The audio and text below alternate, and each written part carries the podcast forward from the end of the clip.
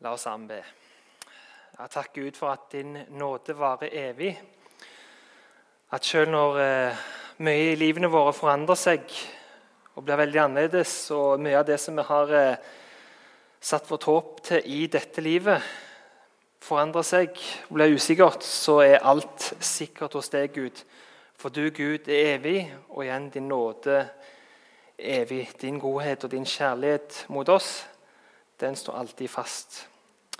Takk for det, og hjelp oss til å ta imot det som du videre vil si oss i denne gudstjenesten i dag, Herre. Amen. Som sagt, Temaet for i dag har jeg kalt 'En eh, ny mulighet'. Og eh, For jeg tenker at i dette her som er blitt så annerledes, ligger det en ny mulighet.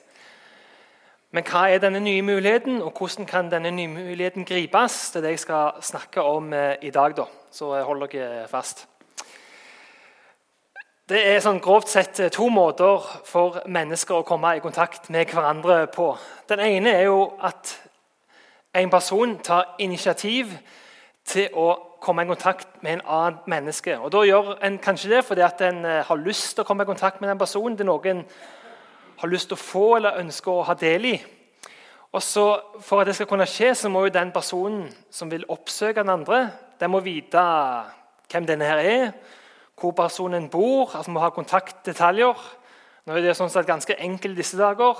Nå er det sånn Når du bare søker på mobilen, så får du opp eh, helt fram til huset hvor du skal gå eller kjøre. Eh, og Det setter jeg veldig pris på, for jeg er sånn sett eh, ofte vims eh, hvis jeg skal finne ting ut av seg sjøl. Og så er det også viktig å vite at den personen er tilgjengelig eller er, altså er hjemme eller er, er, på det stedet når en ønsker kontakter med den andre menneske. Da. Og En annen måte å komme i kontakt med annet menneske det er å være den i den andre enden av denne skalaen. Altså Den som bare gjerne sitter passivt og venter på at noen skal ta kontakt. Og Da tar folk da er du jo sånn sett avhengig av at du har noe som andre vil ta kontakt for om det er et godt vennskap eller om det er noe god kunnskap eller et eller annet som du har som gjør at folk vil ta kontakt med deg. Så igjen så må jo de vite hvor du er, og så må du være tilgjengelig for disse som vil ta og oppsøke deg.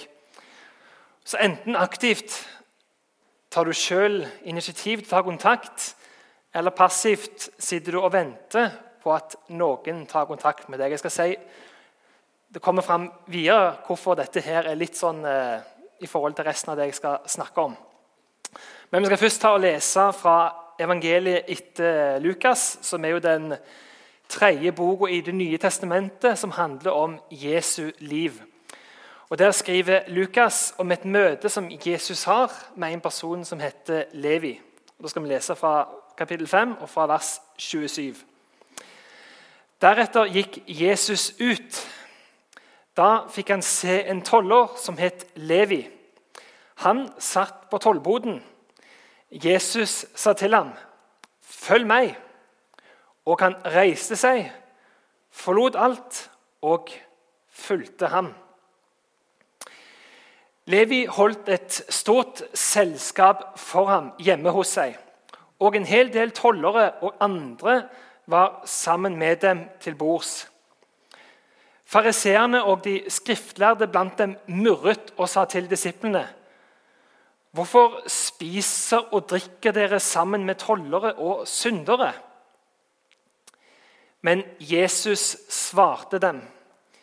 Det er ikke de friske som trenger lege, men de syke. Jeg er ikke kommet for å kalle rettferdige, men syndere til omvendelse. Jesu møter her en toller som heter Levi. Og kanskje veldig likt i forhold til i dag, så var nok tollere ikke så godt likt. Jeg tror nok eh, det er mange som Jeg håper iallfall ikke det er mange. Eh, jeg har ikke opplevd det, bare for å si det. Å bli stoppet av en toller og så de eh, måtte betale ekstra toll. Jeg har forresten kjøpt ting fra utlandet, og så har jeg måttet betale toll på det. Det har vært eh, ekstremt irriterende, men sånn er det. Men som på den tida der, så var det òg eh, tollere som da satt ved hovedveier, gjerne inngangen til sentrale byer. Og så krevde en toll, en avgift på varer som var blitt tatt med inn til byen. Så eh, det at folk måtte sånn sett betale ekstra for det de allerede hadde betalt, var jo sånn sett negativt i seg sjøl. Men eh, de måtte jo da betale en ekstra avgift på dette. her, og Det som gjorde at tollerne ble ekstra dårlig likt, var jo at mange av disse her ikke var helt ærlige. Mange av de tok høyere toll enn det de egentlig skulle, for å da få litt ekstra penger i lomma. Og så var det også sånn at De som jobbet som tollere, de jobbet da også for de som var den utenlandske stormakten. Altså, på denne tida var det Romerriket som styrte over Israel, eh, hvor Jesus vandret rundt. Og det å jobbe for disse her utenlandske herskerne ble ikke sett godt på. Så De som jobbet som tollere, ble sett på som ureine av veldig mange av sine, eh, sine altså andre som var jøder av det samme folkeslaget. Så toller var ikke godt likt. Og det er òg dette her som Jesus oppsøker, en person som var dårlig likt. Jesus han var veldig mange ting. Han har jo veldig mange navn i kirka. Vi kaller han jo Guds sønn, Messias, frelser. Eh, fredens fyrste. Men han, et, han var òg lærer. Og Det var Jesus òg fordi han hadde veldig mye kunnskap om eh, de hellige skriftene, som omhandler om Gud. Det som vi i dag kaller for Det gamle testamentet. Den, andre, den første halvdelen av vår bibel. Og Jesus var sånn sett lærer. Han fortalte om Gud og forklarte disse skriftene til sine, de som han møtte. I motsetning til lærere på denne tida her, så er det sånn at Jesus han, eh, han eh, gjør noe som var veldig uvanlig. Hvis du var lærer på denne tida her, så hadde du jo disipler eller elever som ville lære av deg. Men de andre som var lærere, de tok da og venta på at eh, disipler skulle ta kontakt med dem eh, venta på at eh, de skulle komme, og så skulle de høre vi vil gjerne være eh, dine elever. Og Så tok lærerne da og så om disse potensielle kandidatene hadde de kriteriene som de så for seg, til å være eh, sine elever. Da. For Lærerne hadde jo gjerne et godt rykte de ville ivareta. Så det var ikke alle de eh, lot være elever, selv om de hadde folk som kom og sa de ville det. Jesus gjør noe annerledes med at han aktivt gikk ut og verva elever eller disipler. Jesus går ut og ber Levi 'følg meg'. Og Dette var helt annerledes enn det andre lærere på den tida gjorde for å verve disipler.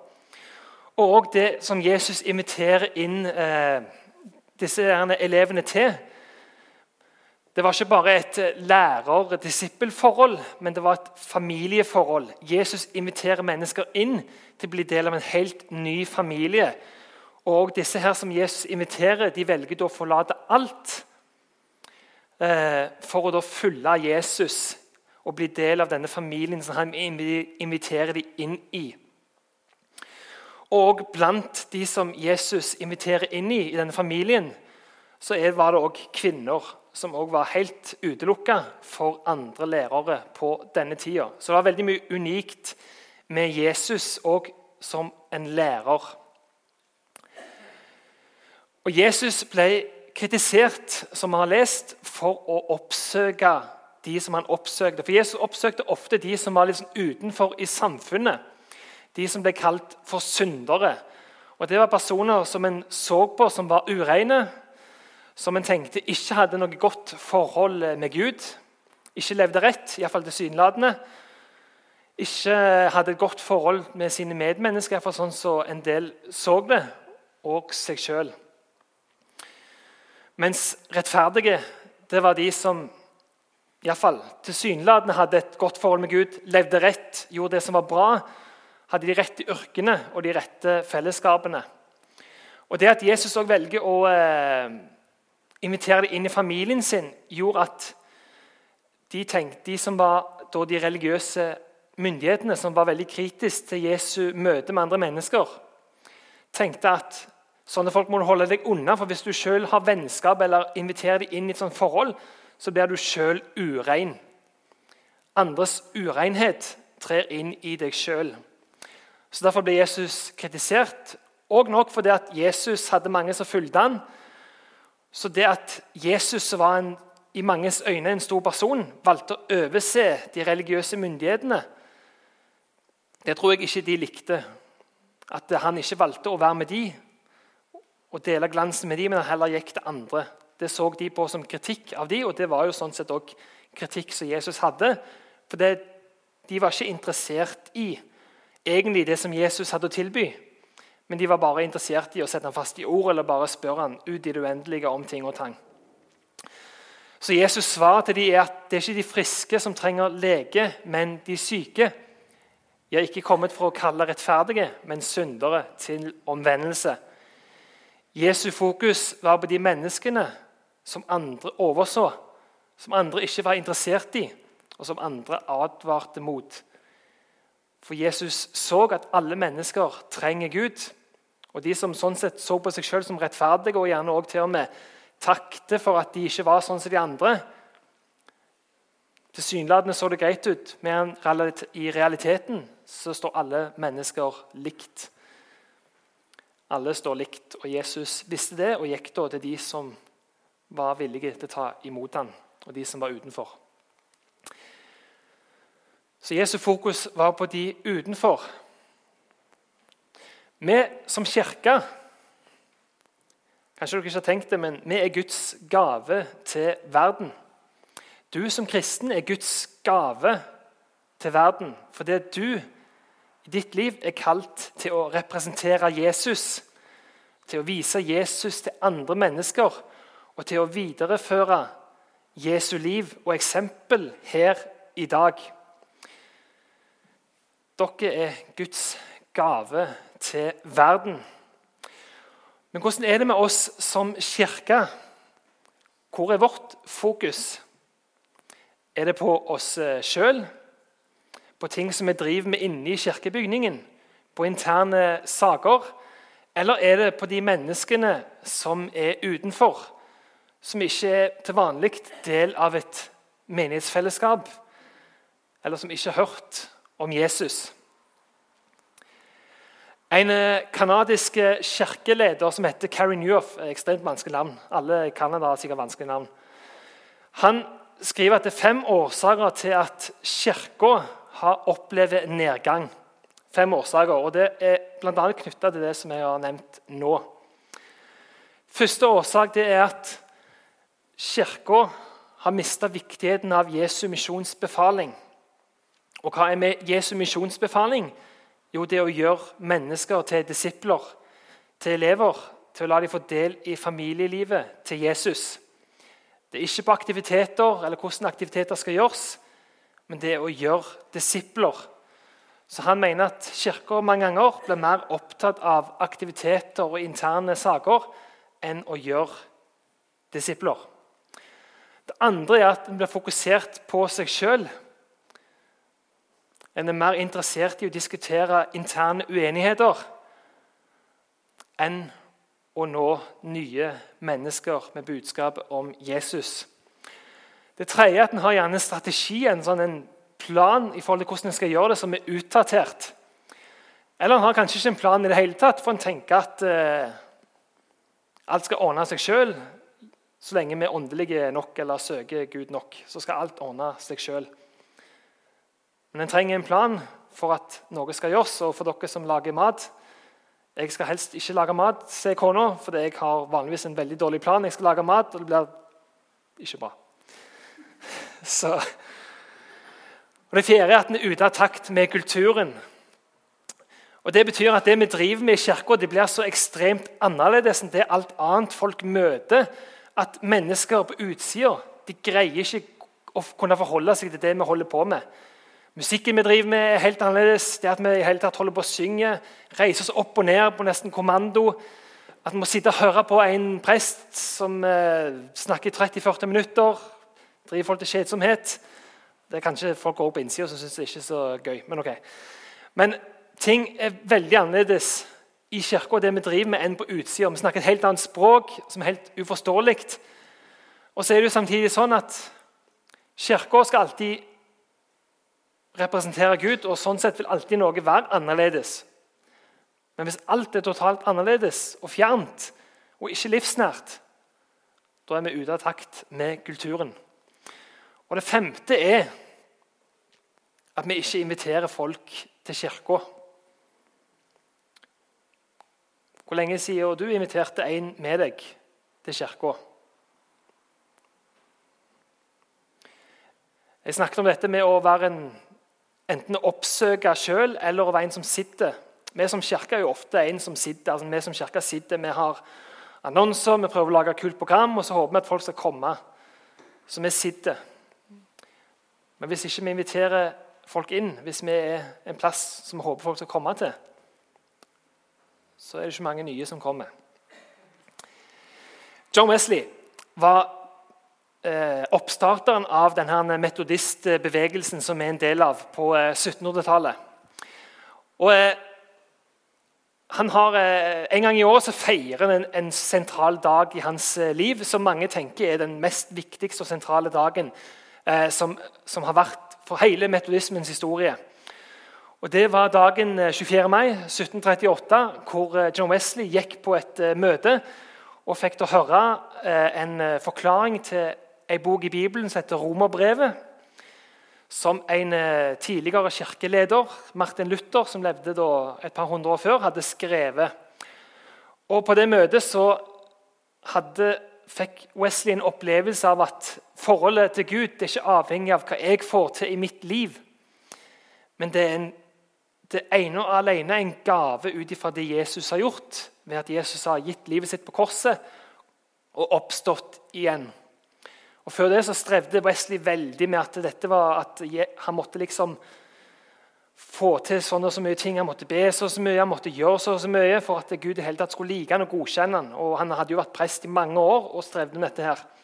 Men på denne kvelden så fikk han et gjennombrudd og skjønte at endelig så var dette et, et gaveforhold. Det var bare noe jeg kunne ta imot. Det var ikke noe jeg skulle få til på egen hånd. Og Dette her ble jo gjerne trukket fram som den viktigste oppdagelsen i, og hendelsen i metodismens og Wesleys liv. Og eh, Spesielt når han senere fikk en periode i, eh, i sånn kirkehistorien som en kaller for den pietistiske vekkelsesbevegelsen, hvor det var et veldig fokus på at vi som kristne skulle, må, må og få en sterk indre opplevelse av Guds ånd. En sterk opplevelse som virkelig rører med oss så ble dette her trukket fram som et eksempel til etterfølgelse. Det som John Wesley hadde opplevd. John Wesley sjøl la veldig lite vekt på denne opplevelsen i etterkant. Han skrev veldig lite om han, og nevnte det knapt etter, denne, etter han hadde ført i dagboken da, den samme kvelden eller dagen etterpå. Jeg husker ikke om det var akkurat eh, samme kveld etterpå. Eh, men han førte jo inn til med tidspunktet når dette skjedde, for han veldig nøye. da. Men han la veldig lite vekt på det i etterkant. Og Første gangen når metodistbevegelsen skulle sånn feire sitt første store jubileum, 100-årsjubileum, så var det ikke dette her han hadde fokusert på. Den opplevelsen hans. faktisk. Men nå er det, sånn, nå er det hvert år denne datoen her vi feirer. Eh, ser dere sikkert i sosiale medier med metodistprester og forskjellig som skriver ulikt. Men opplevelsen var et fokus innover, innover på eget eh, liv, egen opplevelse. Det som Wesley hadde, men det satte han sånn sett også i gang til å gjøre veldig mye bra. Men dette var ikke, dette vil jeg påstå ikke den viktigste opplevelsen i metodismens eller Wesleys liv. Det er datoen som er nesten ett år senere, 17.2.1739.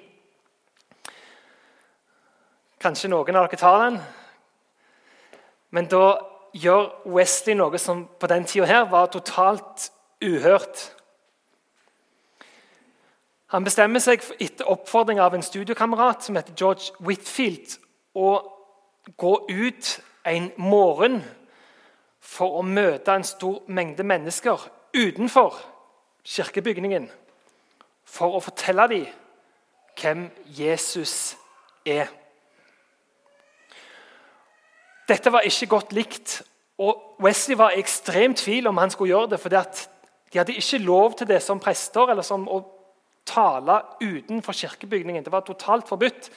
De måtte, Hvis de skulle fortelle om Jesus, forkynne, så skulle det gjøres inni ei bygning. Å gjøre det utenfor det var Det var uhellig. Det var ikke bra. Men Wesley bestemmer seg for å gjøre dette. her, og hvis jeg husker rett, så er det også den morgenen hvor han, Wesley var en bitte liten mann. Knappe 1,6 i høyden. Men han bruker da sin fars eh, gravstøtte for å stå oppå den og reise seg over en folkemengde på flere tusen gruvearbeidere og fortelle dem om Jesus og oppleve at mennesker kommer til tro som aldri før.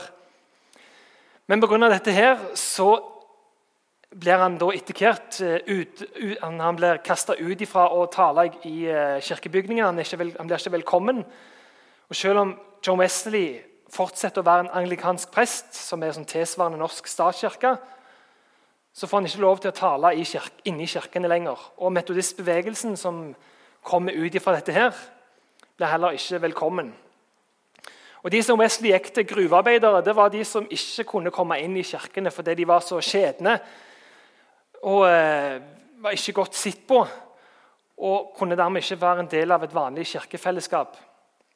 Så De fikk høre lite og ingenting helt til John Wesley og den bevegelsen bestemmer seg for å gå ut av kirkebygningen.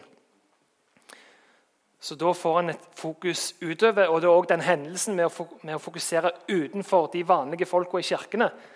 De som var kledd flott, tilsynelatende levde helt rett, gjorde alt rett. Det er da metodistbevegelsen vokser og sprer seg ut over hele England, til USA og etter hvert til masse andre land, inkludert Norge. Nå har dere fått historietimen her i dag.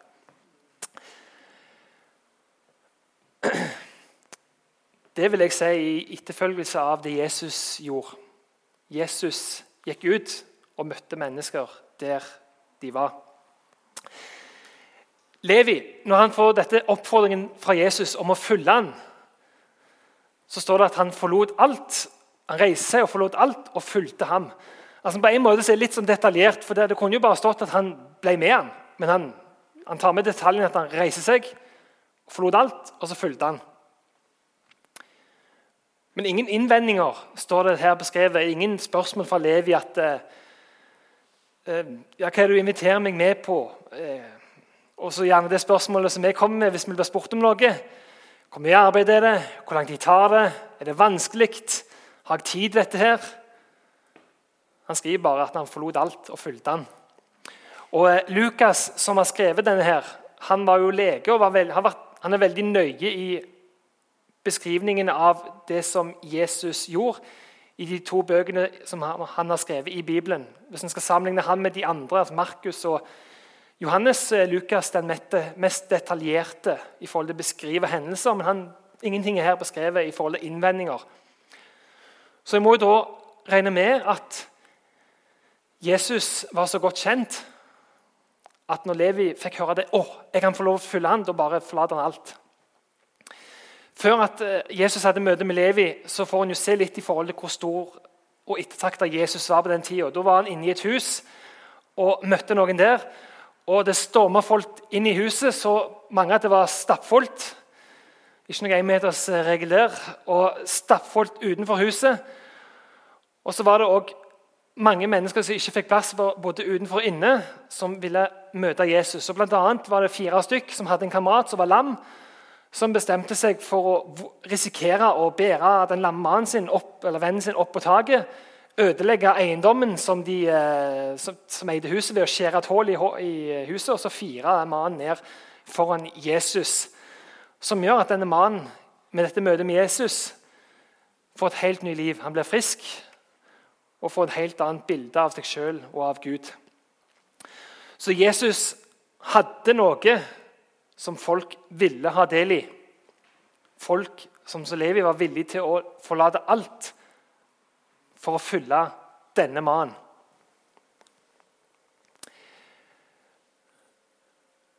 Hvordan ser mennesker på Kirka i dag i forhold til forventning? Har folk i dag en forventning til Kirka?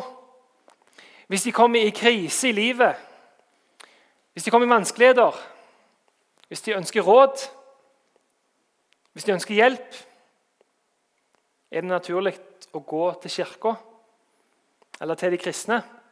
Eller er det å gå andre plasser? Og hvis det er å gå andre plasser, hvorfor? Hva bilde er det folk har av kirka av kristne i dag? Jeg ser i hvert fall eh, at ingenting engasjerer folk så kraftig i Flekkefjord på, denne, eh, på Facebook på debattsiden Aksjonsgruppa Flekkefjord som å omtale kristne saker. Og da er det ikke positivt. Da er det negativt. Hvorfor? Er det noe vi har svikta på og mista, som Jesus hadde?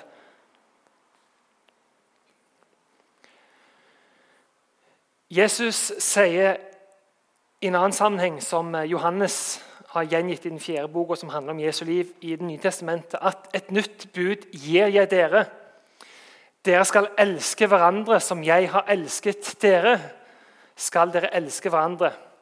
Ved dette skal alle forstå at dere er mine disipler. At dere har kjærlighet til hverandre. Er det det bildet folk sitter igjen av?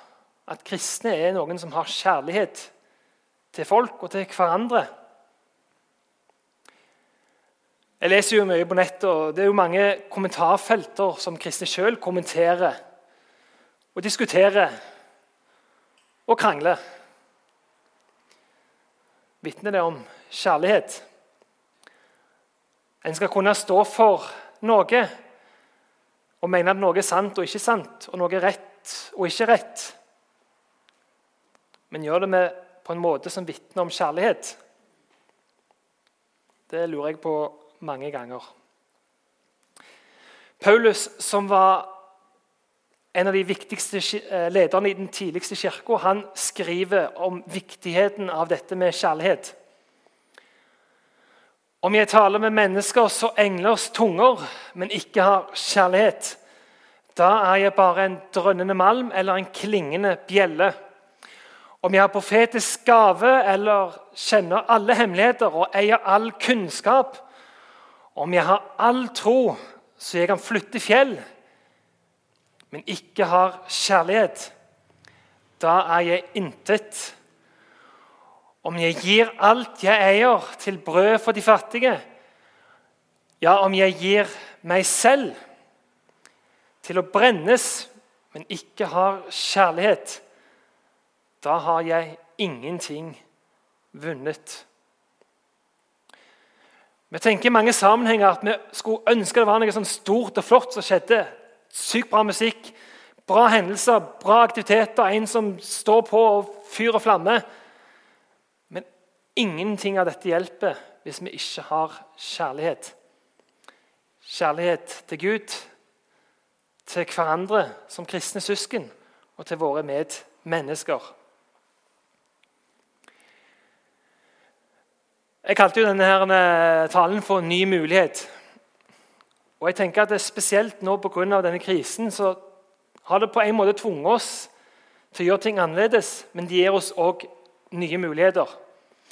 For vi kan ikke gjøre mye av det vi har gjort, som før.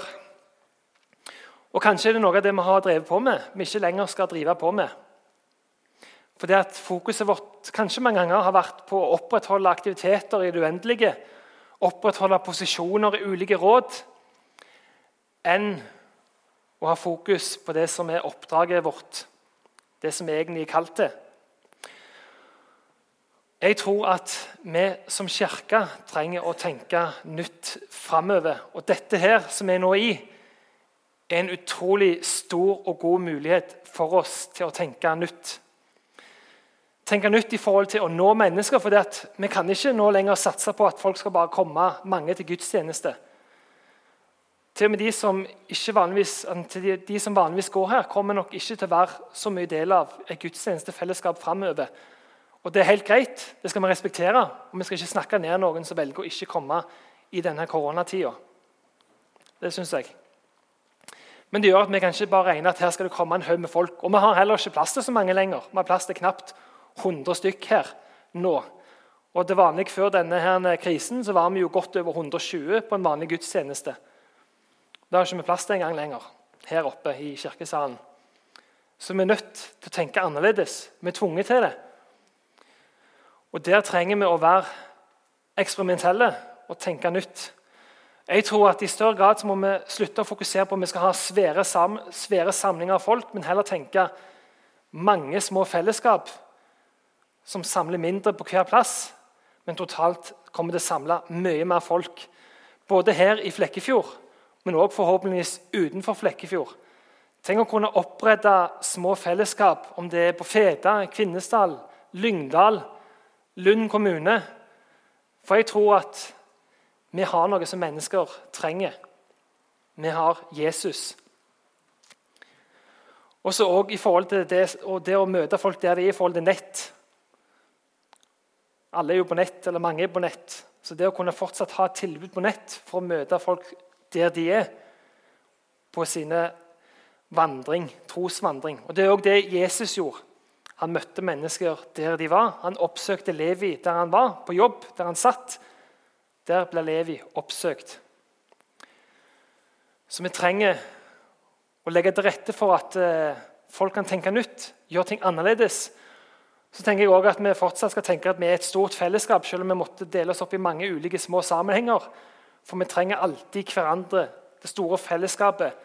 Og det også skal være et vitnesbyrd, at vi forteller at vi representerer Jesus.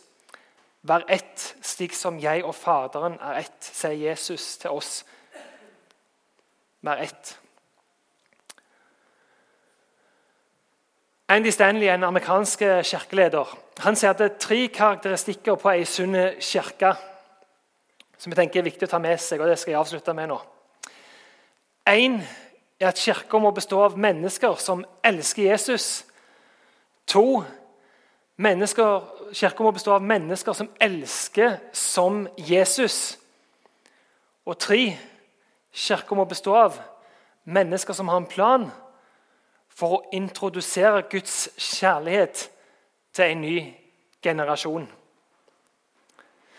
Det verste som kan skje med denne kirka og med denne menigheten, det er at alt blir bare helt sånn som det var før.